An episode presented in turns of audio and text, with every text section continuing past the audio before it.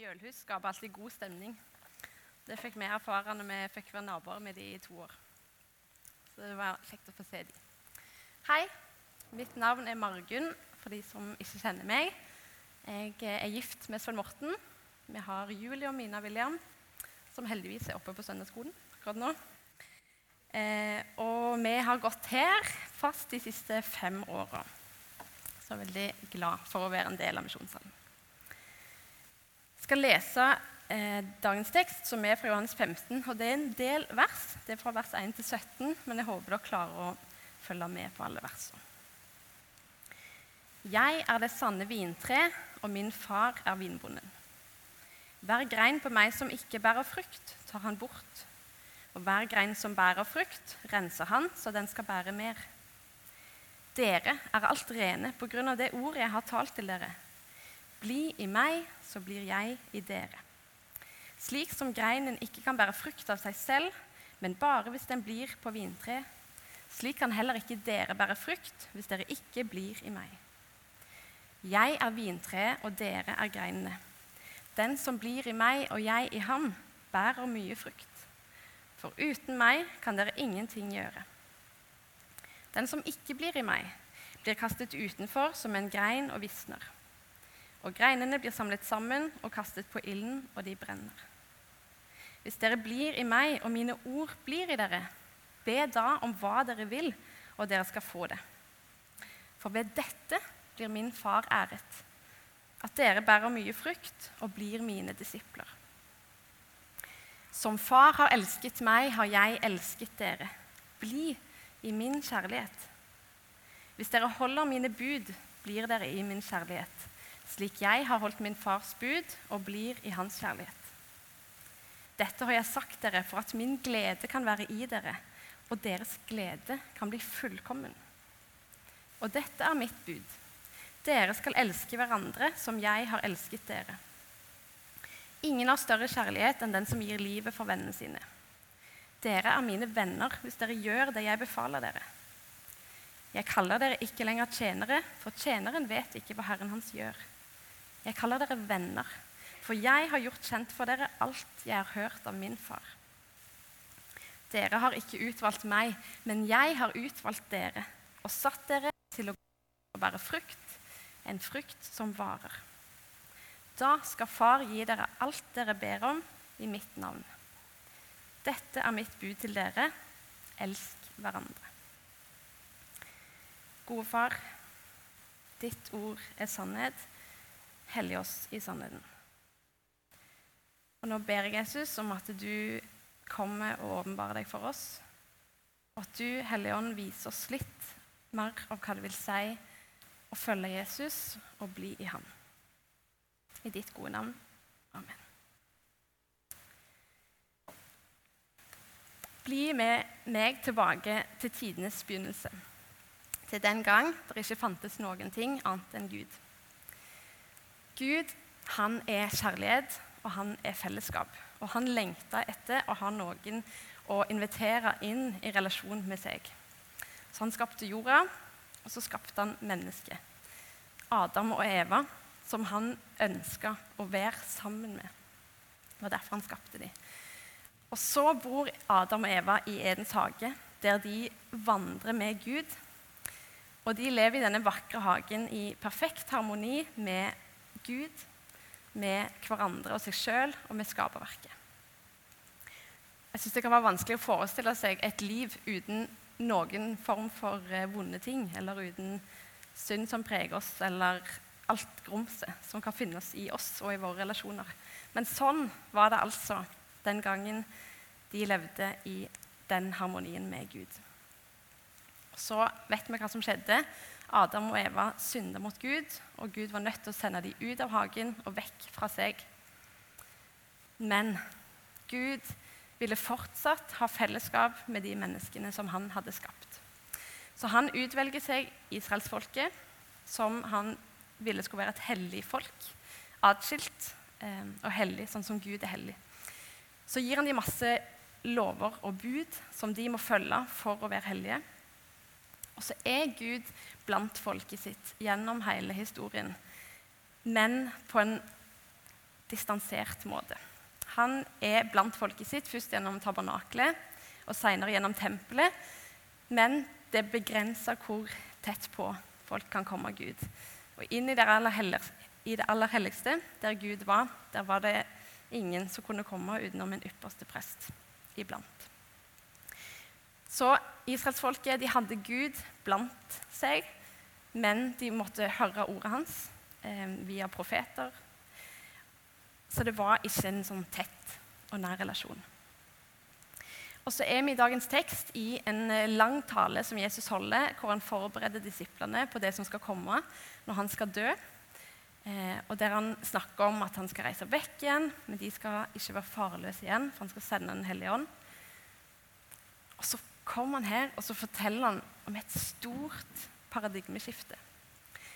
Der Gud ikke lenger skal være her, og menneskene her, og så skal de ha fellesskap, men på en eller annen distansert måte. Men Jesus sier, 'Bli i meg, så blir jeg i dere'. Og det er invitasjonen til oss. Vi skal få lov å være tett på Gud, så tett som det går an å være. Han inviterer oss inn i en nær og intim og god relasjon til seg sjøl. Han som vi var skapt til å leve sammen med og vandre sammen med. Og så er det, eh, Jeg studerte et år på Fjelløy. Jeg husker ikke hvem som sa det. eller hvem som har sagt Det det er det sikkert noen andre her inne som vet. Men det er et eh, utsagn om at 'allerede, ennå ikke'. Eh, og en gang i himmelen så skal vi være sammen og vandre med Gud på nytt i den perfekte harmonien, der det ikke er noe grums som skiller oss fra ham der vi slipper å kjempe med vårt gamle menneske. En gang skal det bli sånn. Men allerede så inviterer altså Jesus oss til å komme og bli i Han. Jeg hadde lyst til å ta med det, for eh, temaet for denne taleserien og dette, denne talen her, det er det kristne livet. Og jeg tror at ofte, i alle fall for meg, så kan vi tenke at det å skulle leve det kristne livet altså helliggjørelsen, at det kan være litt sånn strevsomt. Eller noe vi må. Eh, og så er det det vi egentlig inviteres til. Det er til å komme og være der som vi var skapt til å være. Eh, og det er det Jesus eh, inviterer oss til, og det er det det kristne livet handler om. Bli i meg, så blir jeg i dere. Og Så snakker han om at greinene på treet de bærer frukt. Men subjektet i denne fortellingen, den handlende part, det er ikke oss. Det er ikke greina.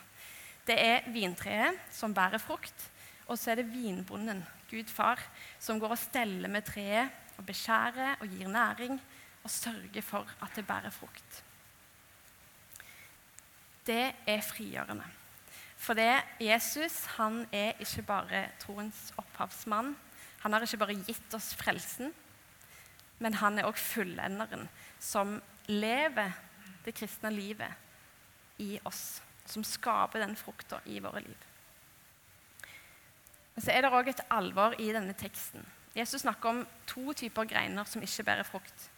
Den ene greina det er de som ikke blir i Han. Altså de som ikke tror på Jesus. De går fortapt. Og Jeg snakka med noen for ikke så lenge siden om at det er kanskje noe vi snakker litt lite om i vår tid. Jeg vet ikke, men jeg ble iallfall litt sånn Oi, ja, det tror jeg kanskje ikke vi Eller iallfall ikke jeg tør å snakke så mye om. Men så snakker Jesus òg om noen greiner som er på treet, men som ikke bærer frukt. Og så må vi kanskje alle undre oss over, eller gå til Gud med, hva slags grein vi er. Men så mener jeg ikke med det at de greinene som bærer frukt, versus de som ikke gjør det, handler om prestasjon eller noe de greinene som bærer frukt, får til. Det er ikke det det handler om. Men det handler om å bli på det treet. Å være planta på det treet. Jeg har lyst til å ta med mer av hva vil det da si? Hva er det Jesus snakker om når han sier 'bli i meg'? For samtidig som det er noe passivt over det som er kalt å være, vi skal bare være grein som henger der, så er det samtidig noe aktivt over det ordet 'bli i meg'. Jeg synes, eh, har lenge tenkt at den engelske versjonen av 'bli' eh, sier litt mer om hva det vil si, enn den norske. På engelsk heter det 'abide in me'. Og Det er kanskje litt ulikt hvor stødig vi er i engelsk her. Men jeg syns at det, eh, det klinger litt mer aktivt. Det er akkurat som 'heng litt på', hører jeg når jeg hører 'abide'. Så søkte jeg opp eh, forklaringen på 'abide', og det kunne bety en forskjellige ting. Men jeg har lyst til å ta med to forklaringer på det engelske ordet 'abide'. Den første forklaringen er 'to continue in a place'. Og eksempelet er 'I will abide in the house of the Lord'. Altså, Jeg vil fortsette å være på denne plassen. Og det er ikke en sånn passiv at jeg bare jeg kom, og så var jeg her, og så bare gikk jeg aldri noen annen plass. Men det at jeg vil, jeg vil fortsette å være her. Bli i meg. Fortsett å bli i meg. Og Den andre forklaringen syns jeg òg sier noe eh, om det å bli i meg, som jeg tror Jesus òg mener når han sier dette. Og Der står det 'to accept without objection'. Altså å akseptere uten å si imot. Og Der er eksempelet 'I will abide your decision'. Jeg vil forholde meg til din beslutning. Og Det tror jeg òg er noe av det Jesus mente når han sa 'bli i meg'. Jeg tror det er tre nøkler her som Jesus legger fram når han snakker om hva det vil si å bli i ham. Det første, det er ordet. Vi skal bli i Guds ord. Vi skal bli i Bibelen. I Johannes 1 så skriver Johannes at ordet ble menneske og tok bolig blant oss. Så når Jesus sier 'bli i meg', så er det ensbetydende med å bli i hans ord. Og så handler det ikke bare om å kunne historiene, kjenne sin bibel, gå på møte en gang i uka, eller kanskje lese andakt hver dag. Men det handler om å lese og tenke på og grunne på ordet. Og ta det med oss gjennom dagen. I Salme 1 der står det òg om et tre som bærer frukt.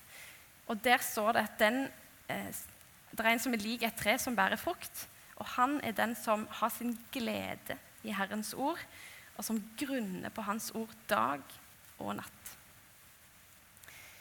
Og Så får israelsfolket et interessant bud eh, i 5. Mosebok, kapittel 6, som jeg har lyst til å lese, for jeg tror det gir oss noen prinsipper overfor vårt liv med Gud i dag. Og du skal elske Herren din Gud av hele ditt hjerte, av hele din sjel og av all din makt. Det er jo det vi er skapt til å gjøre og kalt til å gjøre. Disse ordene som jeg byr deg i dag, skal du gjemme i ditt hjerte. Altså ta det, bli i det, gjem det i hjertet ditt. Så står det og du skal innprente dem i dine barn. Du skal tale om dem når du sitter i ditt hus, og når du går på veien, og når du legger deg, og når du står opp. Du skal binde dem som et tegn på hånda di, og de skal være som, et, som en minneseddel på din panne. Du skal skrive dem på dørstolpene og portene på huset ditt. Jeg har en eh, vanlig kommunejobb, og jeg har et ønske om å være i Jesus når jeg er på jobb. Eh, og være hans vitne der.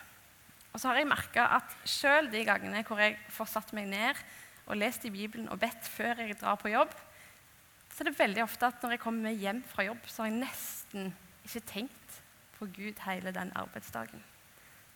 Det kan jo være at vi er litt ulike, men jeg tror iallfall ikke det er tilfeldig at israelsfolket ble bedt om å ha med seg Guds ord gjennom dagen, både på morgenen og kvelden.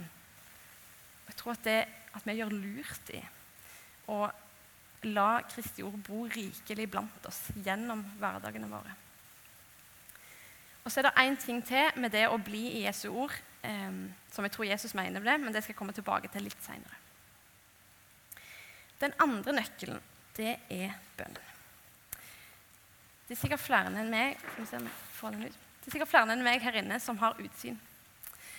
Og i denne utgaven her så er temaet Den kom tidligere i sommer. Vårt viktigste våpen. Unge kristne ser med bekymring på sin generasjons holdninger til bønn. La oss bli den nye bønnegenerasjonen, formaner Ole Andreas Austbø.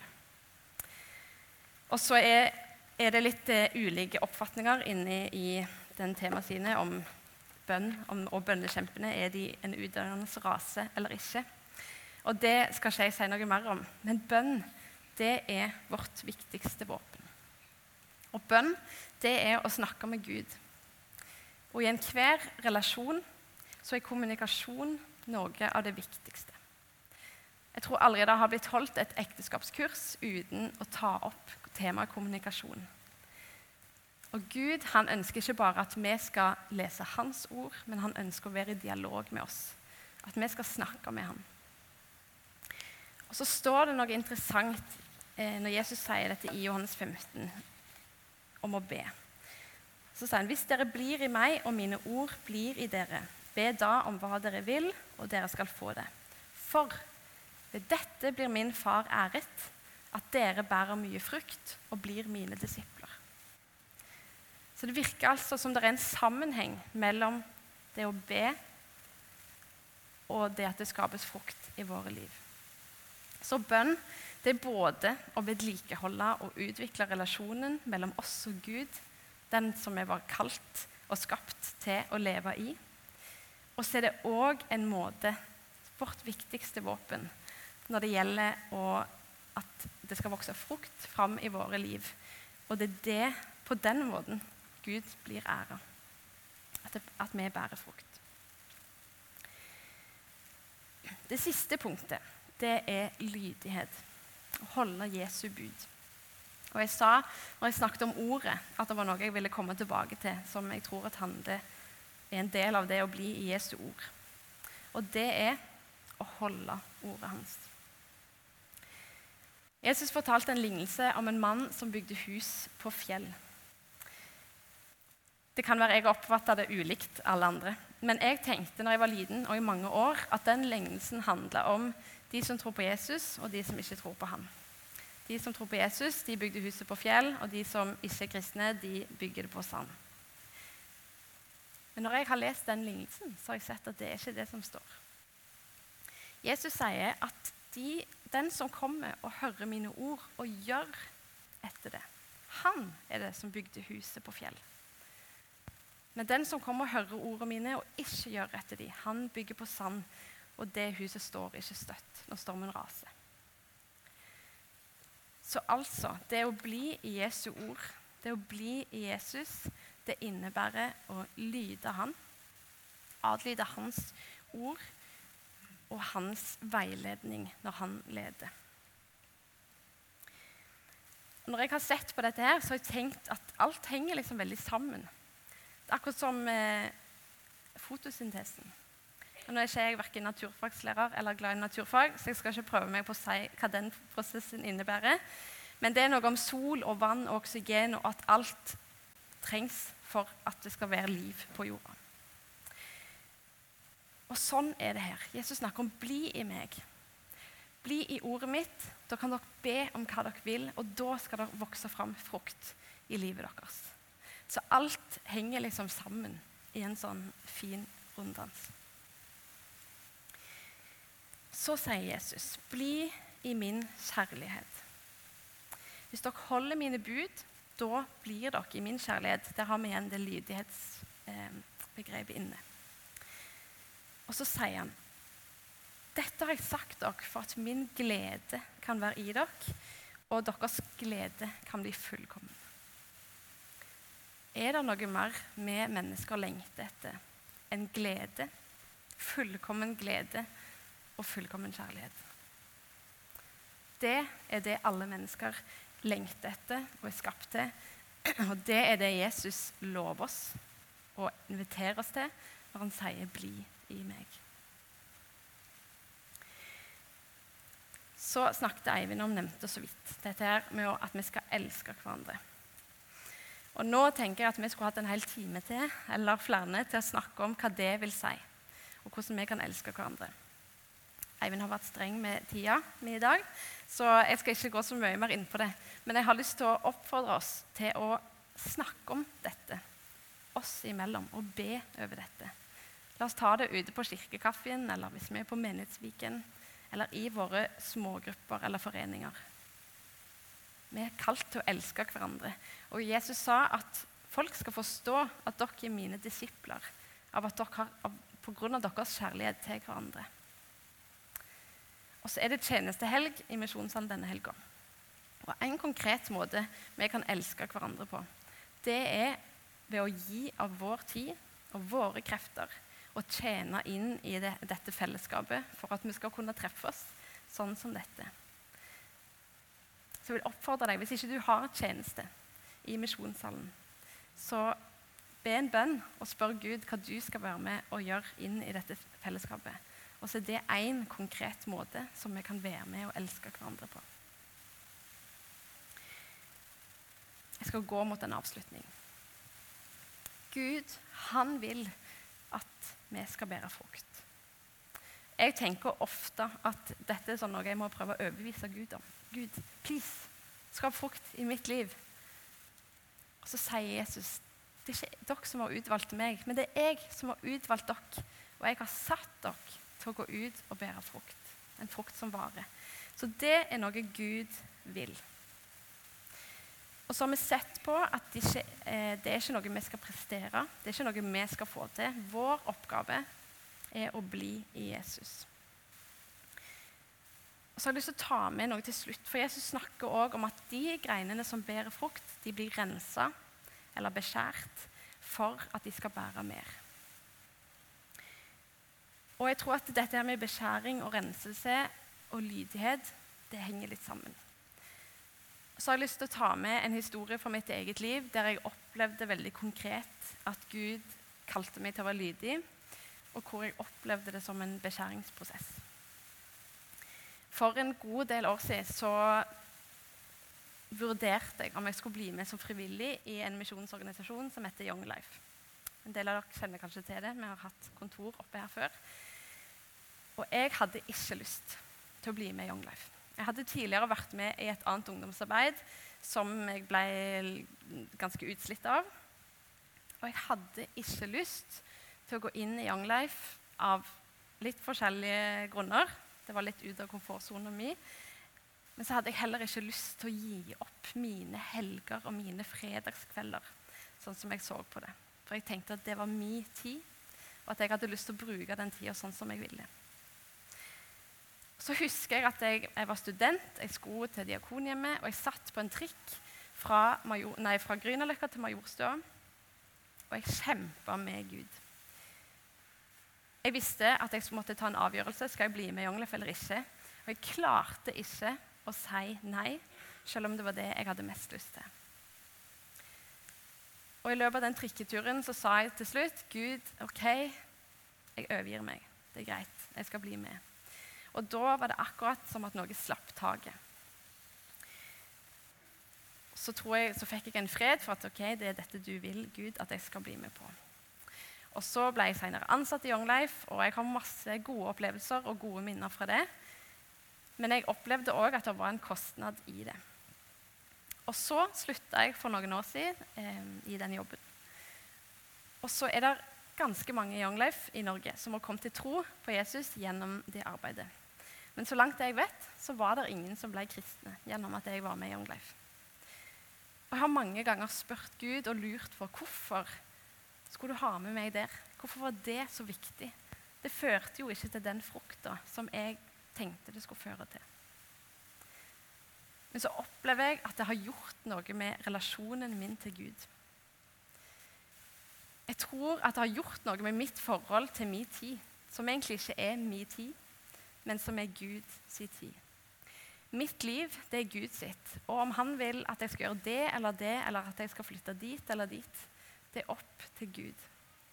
Og Jeg tror at den hendelsen var med på å beskjære meg til å våge å være lydig mot Gud i litt større grad enn det jeg var før. Jesus han lengter etter at du skal komme til han og bli i han. For det var derfor han skapte deg. Han elsker deg. Og han lengter etter å ha fellesskap med deg. Og så har Jesus også satt deg til å gå ut og bære frukt. Og han er den som vil gjøre det. Han vil skape frukt i ditt liv. Når du våger å bli i Han. Og fortsette å bli i Han. Gjennom å lese og holde fast ved Hans ord. Gjennom å be til Han, og gjennom å være lydig mot Hans bud, mot Hans ånd når den leder. Og så er det en vei som noen ganger kan koste litt. Og hvis vi blir beskjært, så kan det gjøre veldig vondt. Men det er en vei som innebærer fullkommen glede. For det var i Han og sammen med Han du var skapt til å være. Himmelske Far, takk for at du har utvalgt oss og gjort oss til dine barn. Takk for at vi skal få lov å bli i deg, der som vi var skapt til å være.